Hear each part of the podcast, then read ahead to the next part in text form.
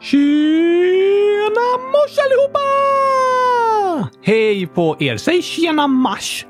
Det är ju juni. Eh, okej, okay. säg tjena juni. Passar det verkligen? Eh, nej. Du kan säga var glad, inte tjurig. Nu är det juni.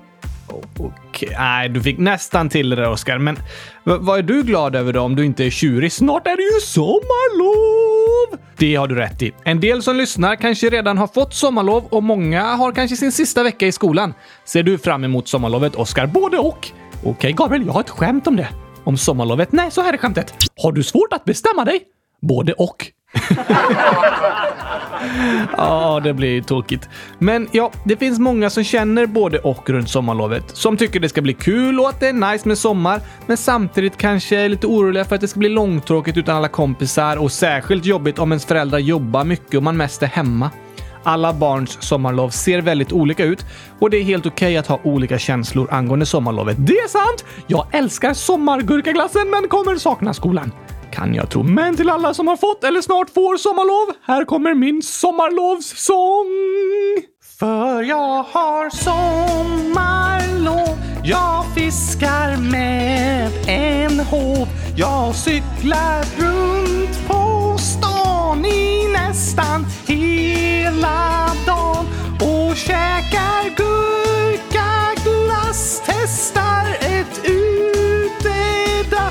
Jag chillar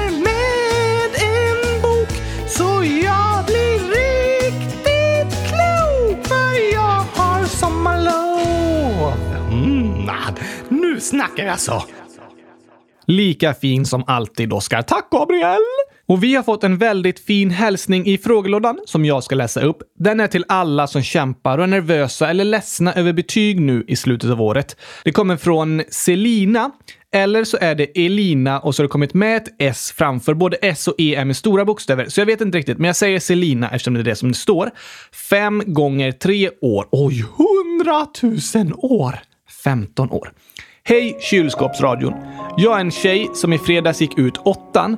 I betyget i engelska fick jag ett F. Man skulle kunna tro att jag inte pluggat eller att jag är trög, men så är det inte. Jag har en diagnos som kallas dyslexi. Jag har haft det tufft med både svenska och engelska när jag var mindre. När jag försökte lära mig läsa och skriva så lärde sig mina klasskamrater grunderna i engelskan, så jag halkade efter. Det var tufft. Ungefär i femman fick jag diagnosen.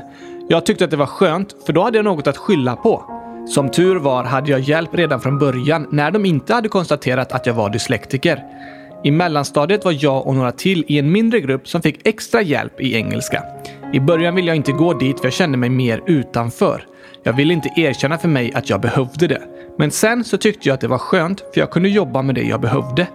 När jag började högstadiet så blev det jättejobbigt för då blev det en ny lärare i engelska och vi i den lilla gruppen kunde inte träffas. Så då måste jag vara med på den vanliga engelskan och det var supertufft. Jag gav nästan upp på engelska lektionerna för jag tyckte att allting var för svårt att lära sig. Men i svenskan gick det mycket bättre nu. Jag hade börjat läsa massor med böcker och det var skönt.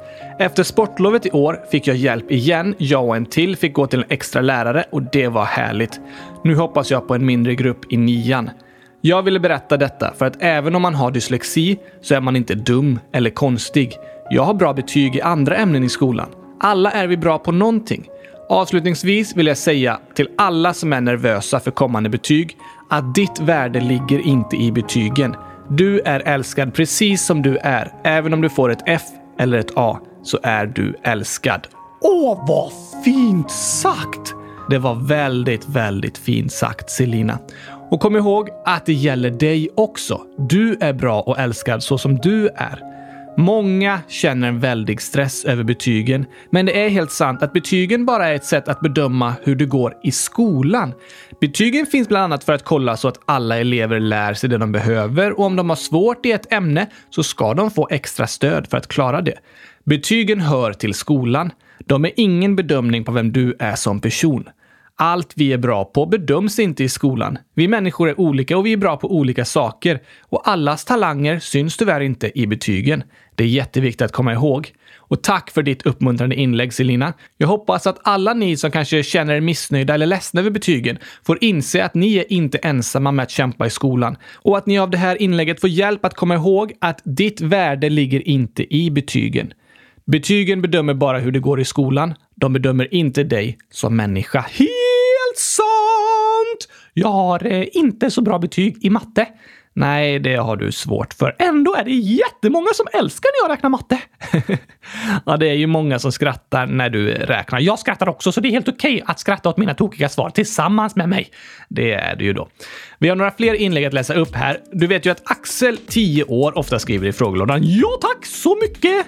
Och så här skriver han nu. Det var jag som hette Axel 10 år när ni läste upp “Där stod Oskars bror”. Det är så jobbigt att ha en som har samma namn som mig. Till och med min syster som heter Agnes och är sju år har också en som har samma namn och ålder. Det är så jobbigt ibland. Det är jag som kallar mig Axel Alberg på flaggspelet. V vänta nu! Finns det flera Axel 10 år? Ja, en annan Axel skrev ju “Det var inte jag som skrev Oskars bror. Det kanske var någon som hade tagit mitt namn, men nu var det en annan Axel 10 år som skrev att det var jag som skrev det.” Och vi har ju väldigt många lyssnare nu och många som skriver i frågelådan, så det kan hända att flera personer heter samma sak och är lika gamla. Oj, oj, oj, oj! Lite häftigt. Det är häftigt, men jag förstår också Axel att det kan vara jobbigt. Ibland kan det vara jobbigt att ha samma namn som en annan person och blandas ihop med den. Då kan man eh, stava sitt namn fel, som jag. O-S-S-K-A-R. Ja, du blandar inte ihop ditt namn med någon annan när det står i en text i alla fall. Nej, fast det är många som stavar mitt namn fel och det är jobbigt. Ja, det förstår jag. Det här att heta samma namn som någon annan kanske inte alltid är så kul, men det är ju också så att man får en särskild koppling till personen som heter likadant. Jo tack, det har du rätt i. En av mina närmsta vänner, han heter Gabriel. Ibland blandas vi ihop för han jobbar också på Frälsningsarmén. Förra veckan skickade jag till exempel ett mail till mig som egentligen skulle till honom och så vidare. Men oftast tycker jag det är kul att heta samma sak, för det blir liksom att vi delar namn och det gör att vi känns ännu närmare varandra. Men här kommer ett förslag på en lösning från Axel, 10 år. Jag vill göra en deal med andra Axel 10 år att du kan fortsätta skriva som Axel 10 år, men jag kan heta Axel 10 plus 0 år. Skriv om du går med på det. Smart! Eller hur? Om man heter samma sak och ofta blandas ihop med en annan person kan det vara smart att börja använda ett smeknamn. Men för att dra igång dagens program, Oskar, så har någon av de två Axel, jag vet inte vem, kommit med förslaget. Kan ni ha ett land när ni har 3 och 9 som ental, som att ni har 0 och 5 som frågeavsnitt? Ooh, det låter roligt! Eller hur? Det är ju väldigt uppskattat av er lyssnare när vi pratar om länder, så det låter smart att vi kan göra det till en regelbunden tradition. Ska vi ha massa regler? Nej, regelbunden betyder att den kommer om och om igen. Det kan vara något som händer varje vecka, varje år, var femte avsnitt! Just det. Men jag tänker att vi tar länder på avsnitt 3 och 8 så blir det perfekt avstånd mellan de olika programmen. Smart! Ska vi prata om Åland idag då? Mm, ja, det har vi lovat att göra. Men vi har ett annat inlägg här från Elvira slash Billie Eilish, 10 år. Kan ni snälla snacka om det som har hänt i USA? Det är en väldigt viktig situation. Om ni inte förstår vad jag pratar om så är det det där med en polis som dödar en svart människa. Hashtag Black Lives Matter. Så hemskt. Snälla, verkligen. Det har jag hört talas om. Ja. I USA händer det väldigt mycket för tillfället och över hela världen som en reaktion på det som har hänt i USA. Det är också så att USA ligger överlägset först i vår omröstning om länder. Vad? Ja, USA har fått 114 röster, tvåan bara 64. Då ligger de verkligen etta! Verkligen. Och jag tycker det är viktigt att vi pratar om USA den här veckan när det är demonstrationer över hela världen efter det som har hänt där. Men vi kommer göra så här att i dagens avsnitt så pratar vi om landet USA på samma sätt som vi pratar om andra länder med 12 långsamt snabba fakta. Ja, olika fakta om landet USA. Sen på torsdag, då pratar vi mer om rörelsen Black Lives Matter och det som hände George Floyd och det som pågår i USA över hela världen just nu. Så om du har några frågor till det programmet, kanske saker du sett på internet eller hört på nyheterna som du undrar om, så skriv det antingen måndag, tisdag eller onsdag den här veckan i frågelådan så hinner vi ta med den frågan till programmet på torsdag. Och om du inte hinner fråga den här veckan så tar vi det i ett senare avsnitt. Så vi åker till USA hela veckan! Precis. Tar vi flyget eller gör vi som Greta Thunberg och åker båt? Um, inget av det. Jag tror vi tar fantasin. Fast det går inte att åka i en radiostyrd bil till USA, Gabriel. Det är ett stort hav emellan. Ja, det har du rätt i. Hur långt är det? Det beror på vart i USA man åker. För landet USA är 280 mil brett. Så det beror på om vi ska till östkusten, den ligger närmast Europa, eller till västkusten. Vi åker till eh, New York. Det är på östkusten och nästan så nära Europa man kan komma. finns några delar av USA som är ännu närmare, men oftast om man flyger från Europa över Atlanten till USA så landar man i New York. Om man inte ska dit då, då mellanlandar man där och flyger vidare någon annanstans. Det går att flyga direkt från Europa till andra platser i USA också, fast ofta mellanlandar man i New York, för det är många som ska dit och det är storstaden närmast Europa. Hur långt är det då? Från sydvästra Sverige, alltså delen av Sverige som är närmast USA, är det cirka 600 mil. Tar det lång tid att flyga? 10 timmar och 30 minuter enligt Google Maps. Det är långt! Ja, 600 mil, en lång flygresa. Har du flugit där? Ja, för fem år sedan skulle jag åka och jobba i Toronto och då flög jag via New York. Fast först från Göteborg till London, sen till New York, sen till Toronto. Det går jättemånga flyg varje dag mellan New York och London. Men om vi köper en radiostyrd båt, Gabriel, och döper den till Fantasin, då kan vi resa till USA med den. Det är miljövänligare än att flyga. Ja, jag tycker fortfarande vi tar fantasin i våra hjärnor. Jaha, tack för den. Du får låna min hjärna. Hur lång tid tar det då? Att resa till USA? Precis, i fantasin. Um, en sekund, det är ganska snabbt. Eller hur? Och över tio timmar med flyg. Ja, och med radiostyrd båt då? Med radiostyrd... Ah, för det första kommer inte det gå. Det är alldeles för stora vågor ute på havet och du behöver ladda batteriet på båten jätteofta. Men hur lång tid skulle det ta? Oj. Ja, det beror ju helt på vilken båt du skulle använda. Det finns riktigt dyra proffsradiostyrda båtar som kan gå upp till 80 km i timmen. Men en riktigt bra leksaksbåt kanske kan komma upp i 30 km i timmen. Hur lång tid tar det då? Ja, det är ungefär 6 000 kilometer och 30 per timme. Då delar vi 6 000 med 30 lika med 200. 200 timmar! Ja, hur många dagar är det? 200 delat 24 är 8,3. Bara åtta dagar med en leksaksbåt! Det tar vi, Gabriel. Nej, Oskar, det funkar inte så. Om det hade varit en leksaksbåt med oändlig batteritid och som kört i stilla vatten, typ som i en inomhuspool, då kanske det hade gått på 200 timmar. Men mitt ute på havet, Atlanten, där är det höga vågor och väldigt tufft. Vi kan inte korsa Atlanten i en leksaksbåt. Men vi kan köpa biljett till ett stort fartyg som åker över Atlanten och den resan tar sju dagar från Southampton i England till New York i USA. Med en segelbåt så tar det lite längre tid. När Greta Thunberg seglar över Atlanten förra året, då tog det 15 dagar från Plymouth i England till New York. Hmm, över 10 timmar med flyg räknat från Sverige. Omöjligt med bil. Ett till två veckor med båt. En sekund i fantasin. Oh. Är fantasin gratis? Fantasin är gratis. Kostar andra pengar? Ganska mycket pengar. Då tar vi fantasin! Okej, okay. och ni alla lyssnare får hänga med i er fantasi då, så kör vi igång. Kör man i fantasin? Som en bil? Ja, Nej, man tänker väl bara. Då tänker vi igång. Okej, okay. häng på så tänker vi igång dagens avsnitt och tänker oss till USA.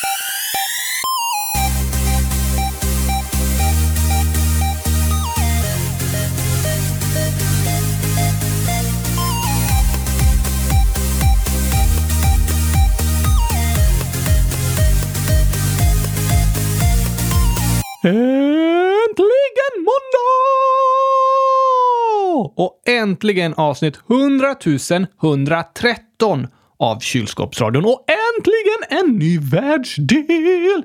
Ja, precis. Nu är vi i Nordamerika, i det folkrikaste landet där, USA. Är du redo för en sång, Oscar? Såklart! Alltid... Eh, vad var det nu? Eh, redo. Okej. Okay. Oh, yeah, yeah, yeah! What's up? Så här säger man i USA. Let's go! Är ni med?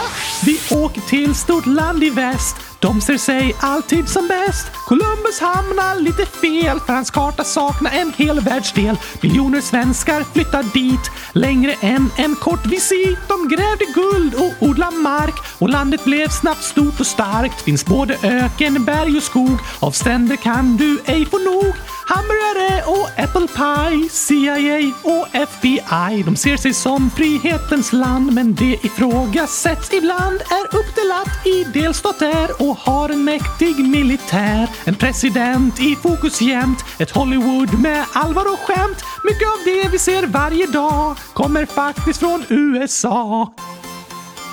Yeah! Oh, oh! Yeah, yeah, yeah, yeah! USA! Bra sång. Jo tack! Vi har alltså varit i Europa, Oceanien, Sydamerika, Asien och nu Nordamerika. Vilka fler länder ligger i Nordamerika? De till ytan klart största länderna i Nordamerika är ju Kanada, USA och Mexiko. Sen söder om Mexiko finns många mindre länder som ibland kallas Centralamerika. Och det finns många länder som är öar utanför Amerika också. De öländerna kallas för Karibien eller Västindien. Men både Centralamerika och Karibien ingår i världsdelen Nordamerika. Vilka är det då? De länder som är en del av själva kontinenten, alltså på land mellan Mexiko och Sydamerika. Precis, det är Guatemala, Belize, Honduras, El Salvador, Nicaragua, Costa Rica och Panama. Sen finns det många länder ute i havet, både stora och små öar. De största är Kuba, Haiti, Dominikanska republiken, Jamaica och Bahamas. På Dominikanska republiken, där bor faktiskt min storebror. Va? Ja, där pratar de spanska. Är det grannländer till USA? USA har egentligen bara gräns till Kanada i norr och Mexiko i söder. Men vissa av öarna ligger också nära USA och det finns många som flyttar från länder i Karibien och Centralamerika till USA. Och om vi går in på vår första fråga av våra 12 långsamma så är engelska det klart största språket i USA, men även spanska är väldigt stort. Det finns cirka 40 miljoner spansktalande människor i USA. Det är fyra gånger fler än hela Sverige. Just det. USA är världens största engelsktalande land, men det är också ett av världens största spansktalande länder. Det bor nästan lika många spansktalande människor i USA som det gör i Spanien. Och 40 miljoner spansktalande, det är fler än de flesta länder i både Central och Sydamerika. Finns det andra språk som är vanliga i USA?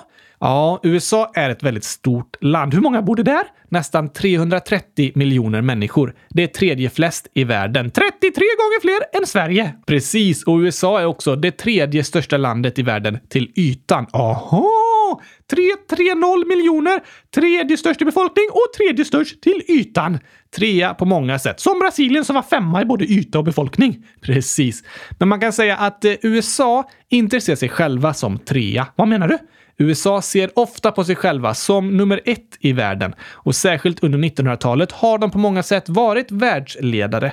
Det har varit världens största ekonomi. Många av världens största företag har funnits i USA. De har haft världens starkaste militär och har inspirerat världen genom sin kultur som film och musik. I Sverige är det ju nästan vanligare att se amerikansk film och serier och lyssna på amerikansk musik än på svensk. USAs president anses ofta som världens mäktigaste person, åtminstone en av dem.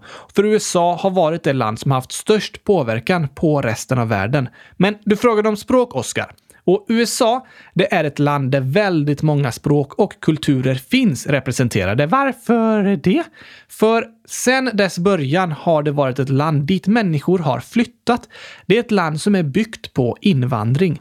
Från mitten av 1800-talet till början av 1920-talet flyttade till exempel en och en halv miljon svenskar till USA. En och en halv miljon! Det är jättemånga. Och på den tiden bodde det bara mellan 3 och 5 miljoner människor i Sverige. Så att en och en halv miljon flyttade härifrån, det är jättemånga. Varför flyttade de? Befolkningen växte i Sverige och många var redan väldigt fattiga jordbrukare. Och särskilt på 1860-talet så drabbades Sverige av mycket missväxt. Vem missade vad? Missväxt, det är när det blir fel på skörden, alltså maten eh, de odlade. Just det. Till exempel år 1867, då var våren jättekall. Det var snö ända in i mitten på juni. Då är det svårt att odla gurkor. Så mycket gurkor kanske inte odlades, men det mesta som planterats förstördes av det dåliga vädret. Så ett år var det för kallt, men ett annat år var det för varmt och det blev väldigt stor hungersnöd i Sverige på grund av de dåliga skördarna. Så människor flydde från Sverige. Ja, det gjorde de. Från Sverige till Nordamerika för att ha tillräckligt med jord att odla på och kunna ta hand om sin familj. Så för hundra år sedan var Sverige ett land människor eh, flyttade ifrån för att överleva. Idag flyr människor till Sverige för att överleva.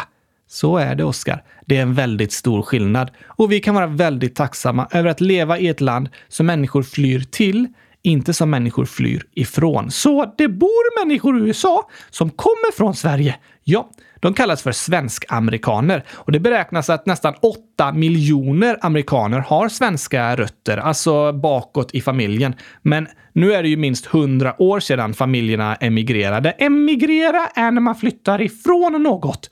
Ja, man brukar säga att människorna som flyttade från Sverige, de emigrerade. Och det var ju länge sedan nu, därför talar de sällan svenska. Men 160 000 invånare i USA pratar fortfarande ett skandinaviskt språk hemma. Bodde svenskarna ofta tillsammans? Ja, oftast. Det var många som emigrerade som aldrig ens lärde sig engelska utan bodde i samhällen tillsammans med andra svenskar. De flesta flyttade till någon av delstaterna Minnesota, Illinois eller Iowa och de ligger i norra USA. Man kan säga att klimatet där påminner ganska mycket om Sverige så det var lätt att fortsätta som jordbrukare där. I Kanada då? Det finns många med svenskt ursprung i Kanada också. Känner du någon som emigrerade från Sverige? Ja, absolut. Jag tror nästan alla familjer i Sverige har någon ett par generationer bakåt som emigrerade. Min farmors syskon flyttade till exempel till USA. Och min bror som jag berättade bor på Dominikanska republiken. Han är gift med en tjej som kommer från Kanada och hennes släktingar immigrerade från Sverige till Kanada. Immigrerar gör man till landet man flyttar till. Just det, emigrerar från ett land, immigrerar till ett land. Pratar hon svenska? Alltså hennes familj kan ingen svenska. Det var många år sedan hennes släktingar flyttade till Kanada, så de pratar bara engelska i familjen. Men nu när hon gift sig med sin bror, då har hon lärt sig svenska. Aha! USA är på många sätt ett väldigt ungt land som har fyllts med människor från hela världen. Vi ska berätta mer om det, men vi pratar ju fortfarande lite om språk. Språk! Det är punkt Gabriel, det här kommer ta längre tid än att åka över Atlanten i en radiostyrd båt! Ja, vi har ju även pratat om befolkning och storlek på landet i alla fall. Just det, befolkningstäthet då? 33 invånare per kvadratkilometer. Lite fler än i Sverige. Ja, men verkligen inte trångt. USA ligger på plats 141 på listan över befolkningstäthet. Men på 1800-talet, då fanns det mer plats i USA än i Sverige. Ja, det gjorde det. Och under 1800-talet växte USAs befolkning helt otroligt mycket. USA skrev under sin självständighetsförklaring år 1776. Då bodde cirka 2,5 miljon människor där. 125 år senare, alltså när 1900-talet började, så bodde det 75 miljoner människor där. Från 2,5 miljoner till 75 miljoner. Ja, befolkningen i USA blev alltså 30 gånger större på 125 år. Sverige då? Samma period så ökade Sverige från 2 till 5 miljoner. Så i slutet av 1700-talet bodde det nästan lika många i USA som i Sverige. Men sen 125 år senare bodde 5 miljoner i Sverige och 75 miljoner i USA. Precis. Då förstår du att det är ett ganska ungt land som verkligen har vuxit jättemycket de senaste 200 åren. Och det är något som är bra att eh, veta och förstå om USA. Det är inte som europeiska länder som har funnits i tusentals år. Det USA vi pratar om idag har egentligen vuxit och utvecklats under bara de 250 senaste åren. Det har på många sätt fyllts med invandrare från hela världen och det syns även i språken som talas där. Just det! Språk! Vi är fortfarande på språk! Som sagt är det inte så många som pratar svenska i USA längre, även om nästan 4% av befolkningen beräknas ha skandinaviska rötter. Engelska är det största och vanligaste språket, men som sagt finns det 40 miljoner som talar spanska i hemmet. Det finns 3,5 miljoner som talar kinesiska. 1,5 miljon talar tagalog, ett filippinskt språk. 1,5 miljon vietnamesiska och runt en miljon som talar både arabiska, franska och koreanska, ryska, tyska, haitiska, hindi, portugisiska och italienska. De siffrorna är människor som har det som hemspråk. Det är ännu fler som talar engelska som förstaspråk, men till exempel arabiska eller italienska som andraspråk. USA är ett land som är präglat av människor från olika ursprung och kulturer. Och när man pratar om befolkningen så delar man ofta upp den i olika grupper. Vita, svarta, latinos och så vidare. Och de stora problemen som finns med rasism ska vi prata mer om på torsdag. Sitter de i karantän i USA? Karantän. Ja, många gör fortfarande det. USA är det land som har överlägset flest fall av coronaviruset med nästan två miljoner som har varit sjuka och över hundratusen som har dött. Oj då! Så det har funnits regler om karantän över hela landet, men lite olika regler på olika platser. Då spelar vi upp min karantänsång innan vi fortsätter med våra tolv jättelångsamma. Idag går det långsamt, men det är spännande. Ja, ja, ja. Men nu passar det bra med en sång.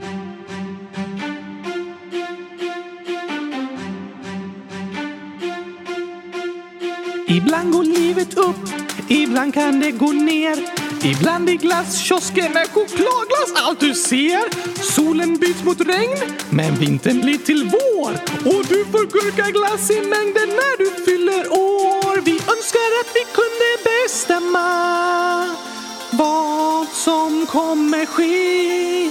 Men ibland får vi kontrollen lämna och bara glida med. Och vi sitter här i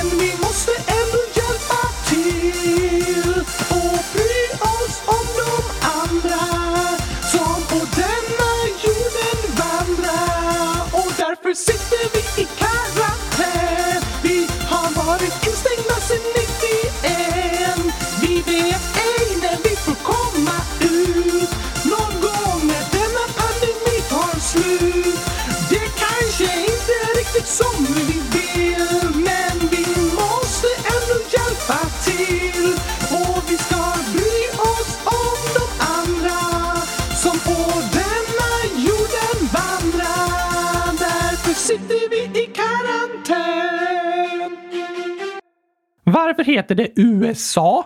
USA är en förkortning av United States of America. På svenska säger vi Amerikas förenta stater. Är det olika länder som sitter ihop, förenade, i en eh, union? Ja, det är inte olika länder, men delstater som eh, Skåne, Småland, Värmland och de där.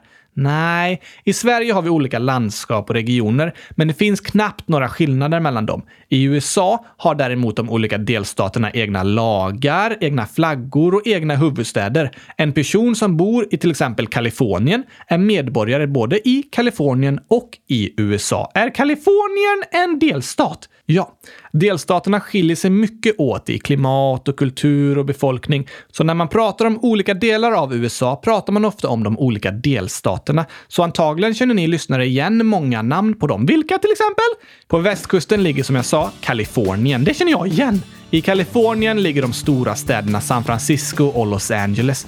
Och det är en delstat känd för sina stränder, sol, surfing och vin. Men också för Hollywood, där de gör eh, filmer. Precis, och i Silicon Valley är det en plats gjord av silikon. Nej, det är namnet på en plats där världens främsta IT-ingenjörer har samlats. Sådana som eh, jobbar med datorer. Precis. Det är jättemycket nya uppfinningar och teknikföretag som skapas där och många av världens största företag är fortfarande kvar där.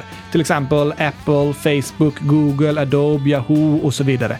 Så när det kommer till det digitala, både filmer, serier och teknik, så är det jättemycket av det vi använder och tittar på varje dag som är skapat i Kalifornien. Jaha, varför är det så? Mycket beror på att Kalifornien har haft mycket guld. Så på 1800-talet när många emigrerade till USA så var det många av dem som reste till Kalifornien för att gräva efter guld. När vi gräver guld i USA! Precis. Det handlade ju om fotbolls-VM 1994 när Sverige till och med vann brons. Åh, vad har jag gjort? Varför sjöng jag en fotbollslåt? Då blir det fotbollssnack. Nej, nej, nej! I alla fall kan vi säga att det är därför den låten är så när vi gräver guld i USA. För det är många som har åkt till USA för att gräva guld. Och det gjorde att San Francisco snabbt blev en stor stad och det var mycket pengar i rörelse där på grund av allt guldet. Och då är det naturligt att det har startats mycket företag och annat i det området. Idag är Kalifornien den överlägset folkrikaste delstaten i USA och trea i yta. Vilken är tvåa? Tvåa kommer Texas som ligger i södra USA. Den är både näst störst till ytan efter Alaska och näst störst i befolkning efter Kalifornien. I Texas finns det som vi tänker som eh, cowboyskultur, som eh, cowboykängor och hattar. Precis, och countrymusik. Sen tredje största staten räknat till befolkning, det är Florida. Där badar de. ja, Florida kallas solskensstaten och tar emot miljontals turister varje år till sina långa vackra stränder. Ungefär som att eh, åka på semester till Medelhavet. Ja, det kan man säga. USA är så stort att på många sätt passar det bättre att jämföra USA med hela Europa än att jämföra det med bara ett land i Europa. Eller man kan jämföra det med Europeiska unionen, för länderna i EU hänger ju ihop, inte lika tydligt som USAs delstater, men det finns likheter. Och antalet invånare i EU är större än i USA, men till ytan så är EU bara hälften så stort som USA. Och EUs ekonomi blir totalt nästan lika stor som USA.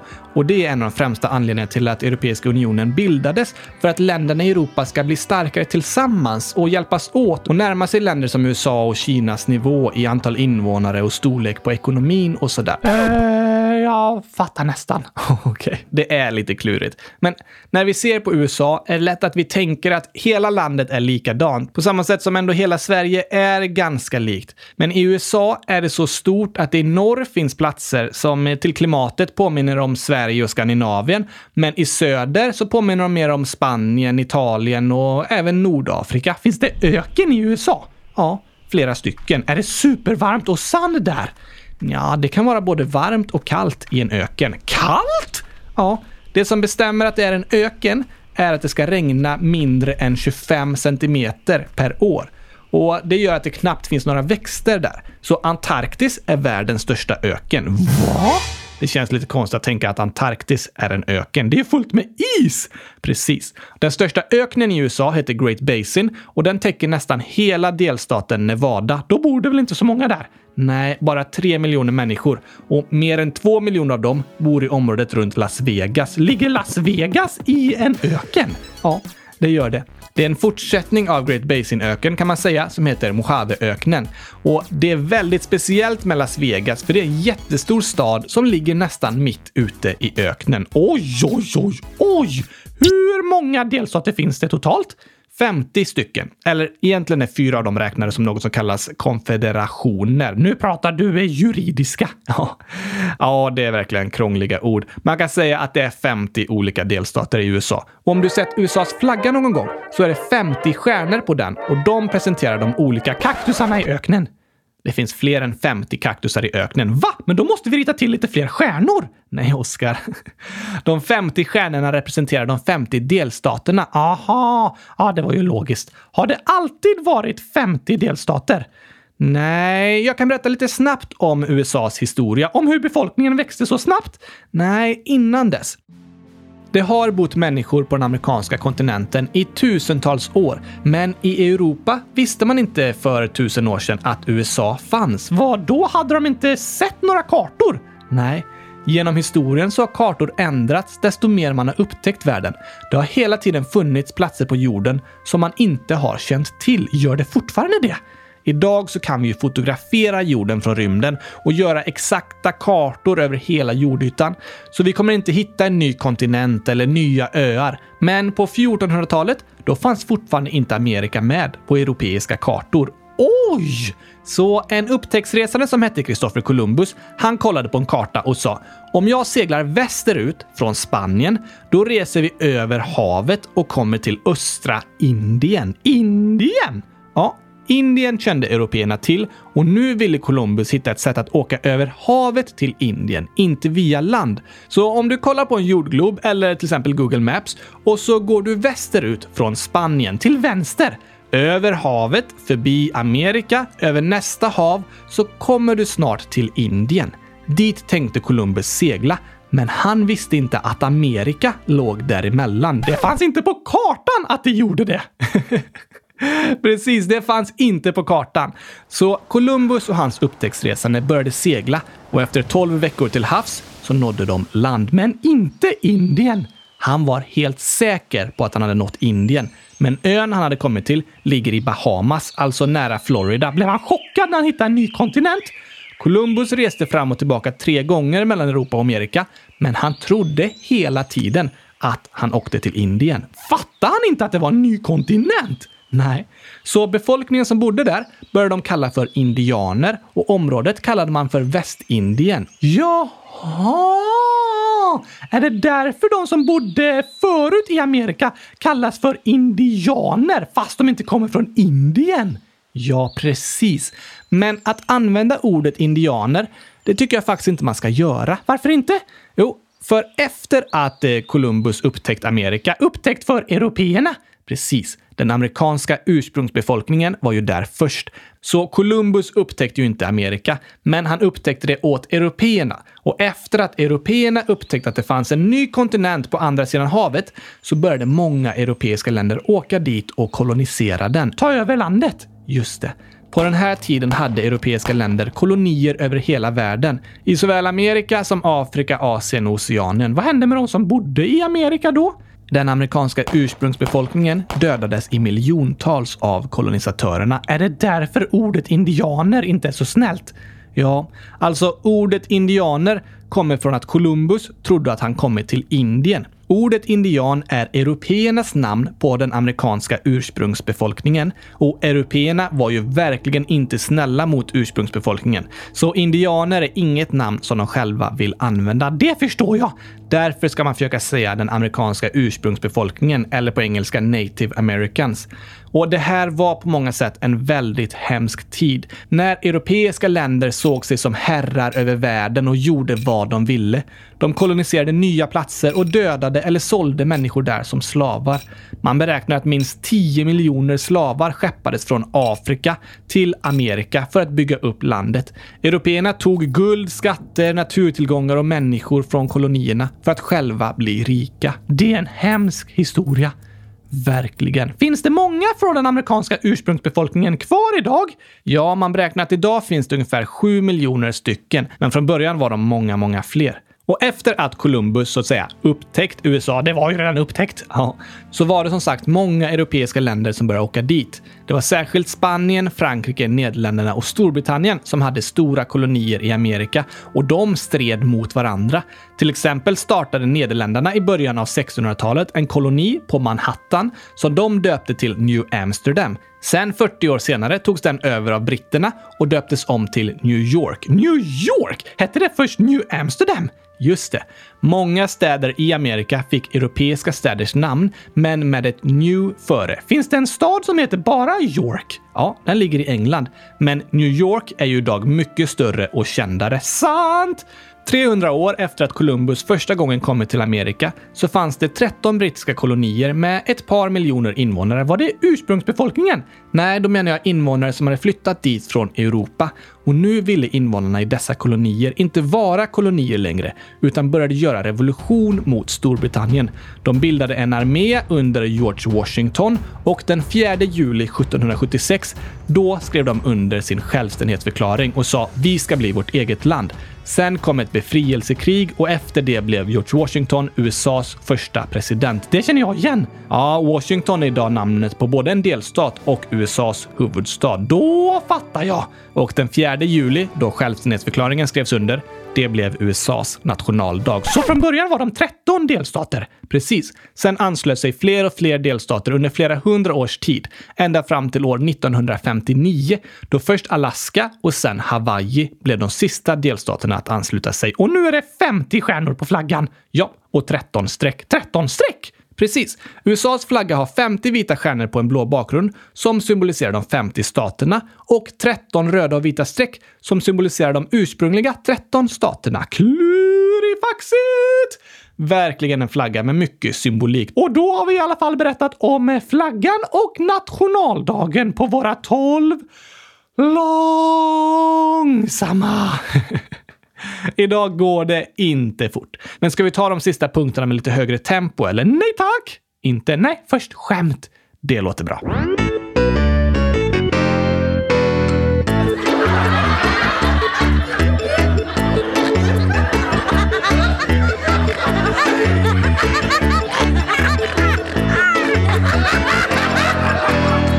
Har du hittat några skämt om USA, Gabriel? Ja, jag har letat lite och ett skämt är så här. Var i USA finns de flesta frisörerna? Ähm, inte i öknen tror jag inte. Nej, antagligen i städerna. Kanske i New York? Det är antagligen eh, korrekt. Eh, bra gissning.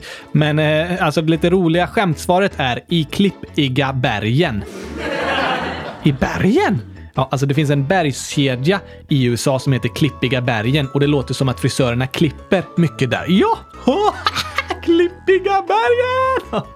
ja, ett av USAs kändaste företag och liksom något som präglat USA och USAs roll i världen jättemycket är ju McDonalds med hamburgare och pommes frites. Precis.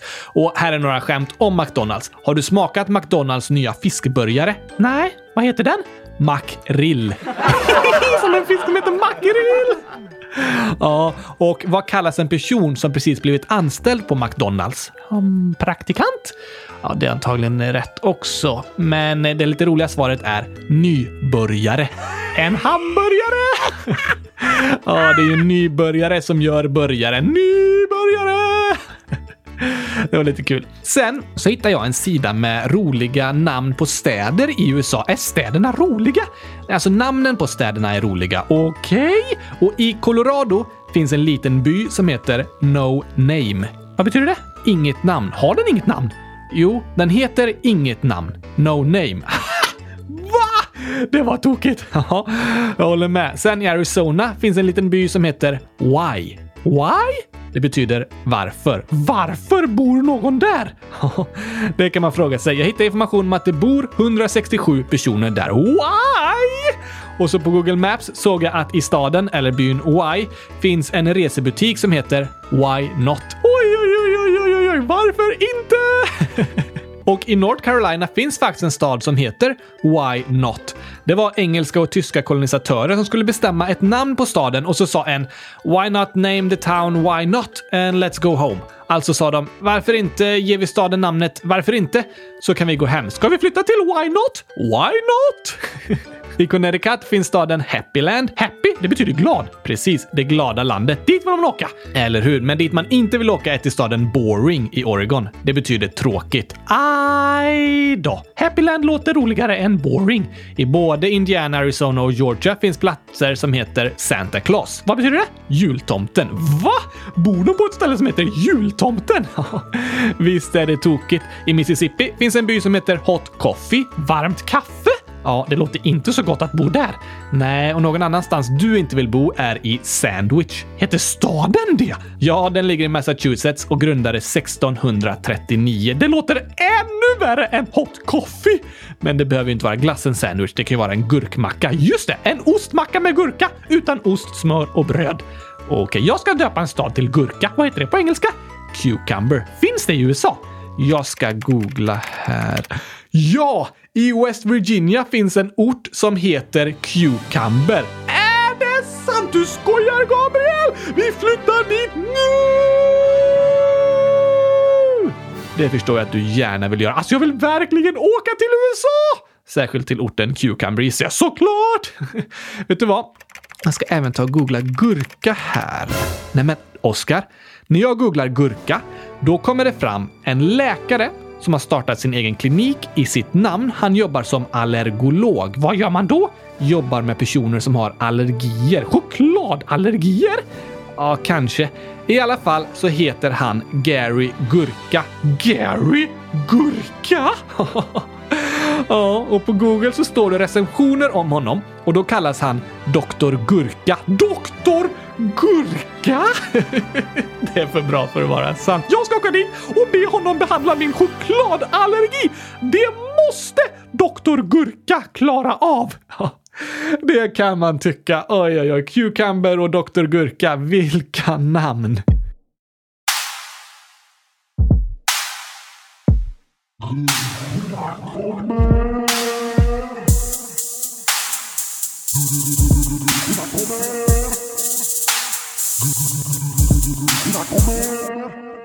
Nu tar vi det lite snabbare här, Gabriel. Ja tack. Valuta? Amerikansk dollar, USD. Tecknet för dollar är ett S med ett streck igenom sig. Det känner jag igen! Huvudstaden sa du var Washington, efter den första presidenten. Precis, men officiellt heter staden Washington DC. Det betyder District of Columbia, för det finns även en delstat som heter Washington, men den ligger på andra sidan landet. Så delstaten Washington och staden Washington ligger på olika platser. Ja, nästan så långt ifrån varandra det går att komma. Är Washington DC största staden? Nej, långt ifrån. Washington DC ligger bara på 20 plats över eh, hur många som bor i städerna. Är New York den största staden? Ja, ganska mycket större än alla de andra. Dubbelt så stor som tvåan på listan. Det är supertät befolkat New York också. Manhattan, som är liksom centret av New York, det är alltid det man ser på bilder med alla skyskrapor och så. Där bor det 1,6 miljoner människor. Det är en av världens mest tätbefolkade platser med 27 000 invånare per kvadratkilometer. 27 000! Det är otroligt mycket. Det är åttonde mest tätbefolkade platsen i världen. Platserna över Manhattan på den listan ligger alla i Asien. De tre mest tätbefolkade orterna finns på Filippinerna. I huvudstaden Manila på Filippinerna bor det 46 000 människor per kvadratkilometer. Oj! Men hur många bor det i New York totalt? I hela staden New York bor det 8,4 miljoner människor. Det är många! Vilka är de andra största städerna i USA? Tvåa ligger Los Angeles, som brukar kallas LA. Sen kommer Chicago, Houston, Phoenix, Philadelphia, San Antonio, San Diego, Dallas och San Jose. Vanliga maträtter? Som jag sa tidigare så är USA på sätt och vis ett land som satts ihop av invandring från hela världen och det speglas även i matkulturen. Något väldigt vanligt i USA är till exempel pizza, som kommer från Italien. Hamburgare och pommes frites är lite av en nationalrätt, men hamburgaren är från Tyskland och pommes frites från Frankrike eller Belgien. Ingen vet riktigt. I USA kallas pommes frites för French fries. Franska fries! Precis. Fast 2003, när USA och Frankrike var ovänner över kriget i Irak, då försökte regeringen i USA ändra namnet på pommes frites, alltså french fries, till freedom fries istället. Men det slog aldrig igenom riktigt. Oj då! En viktig tradition i USA är också att äta kalkon, särskilt på högtiden Thanksgiving. Sen är USA även känt för sin läsk Coca-Cola! Precis.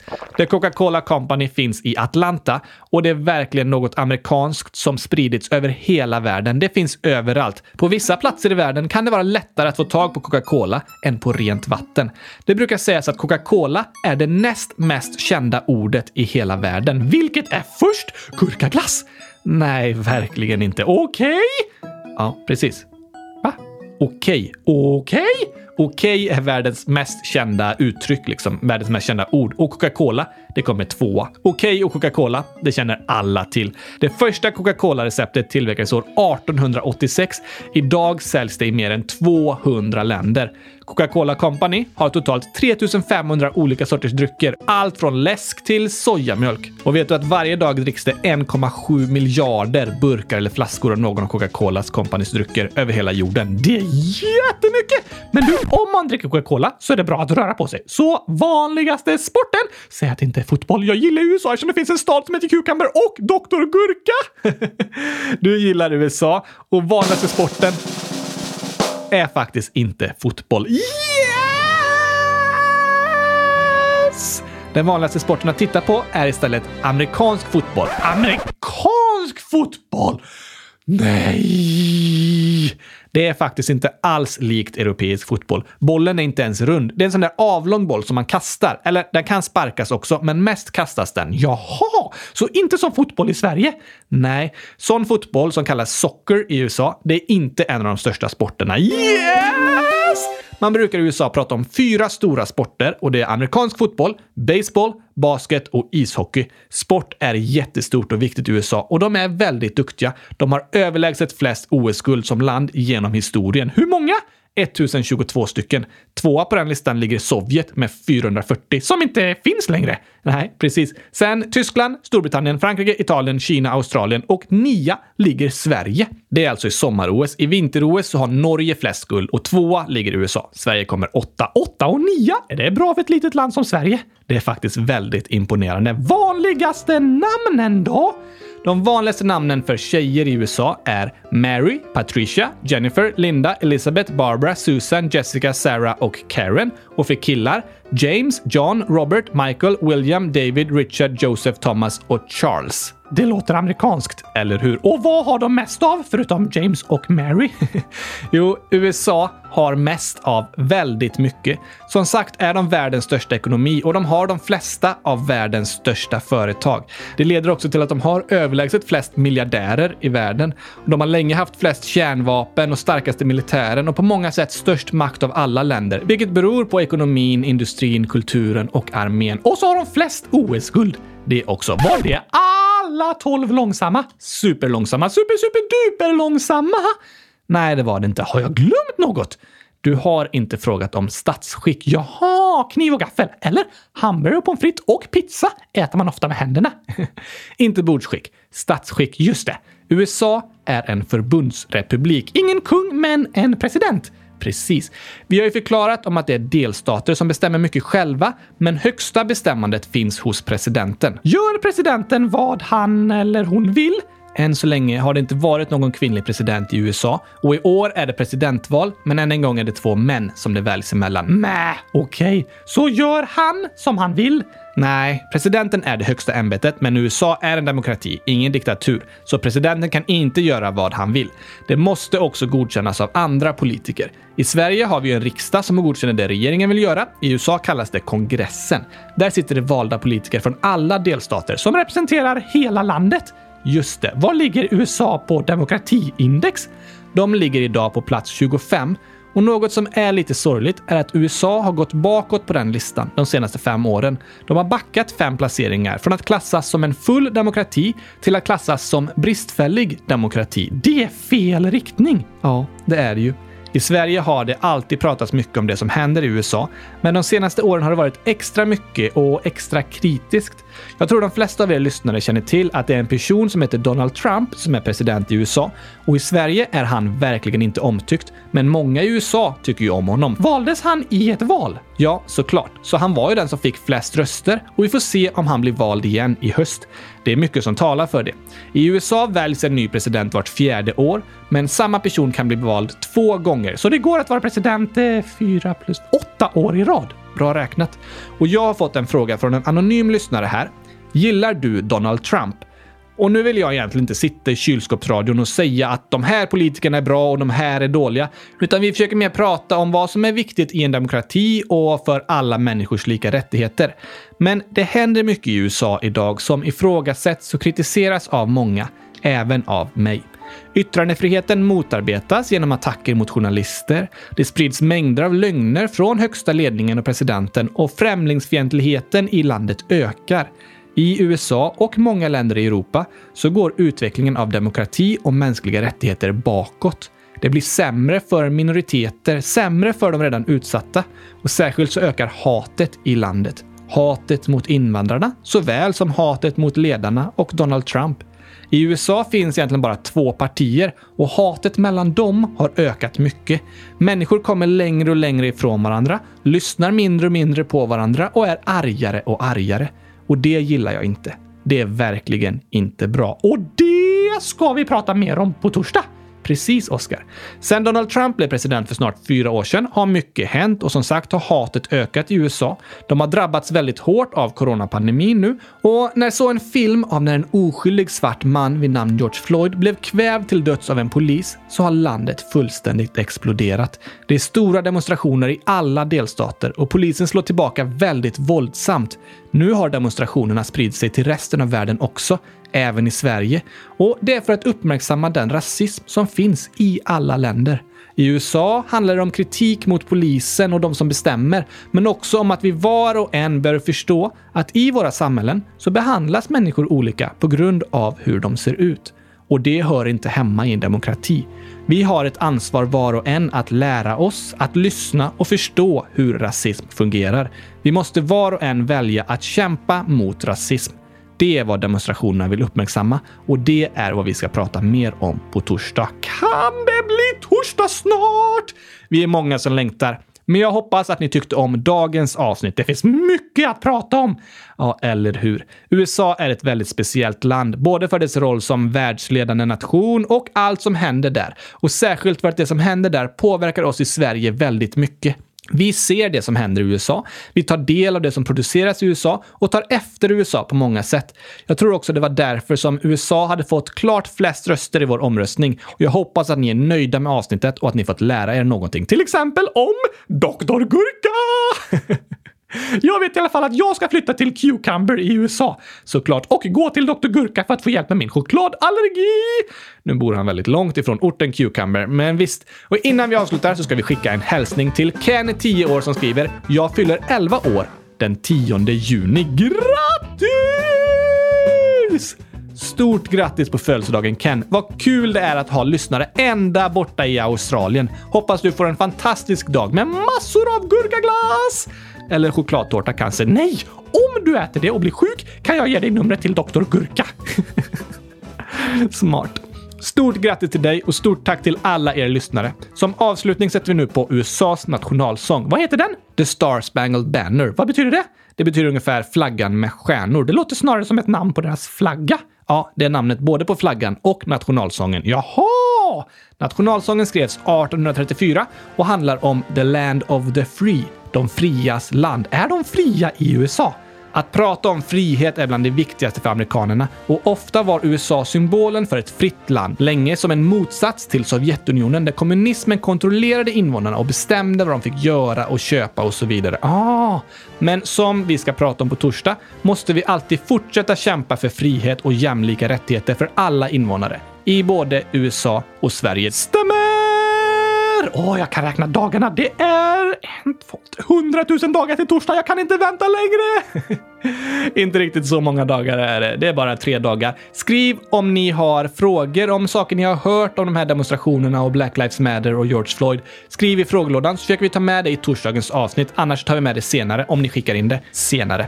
Så får ni ha en superbra vecka. Stort grattis i sommarlovet om ni får det nu i veckan. Så hörs vi snart igen. Ja, tack och hej! Doktor Gurkas pastej! Hej då!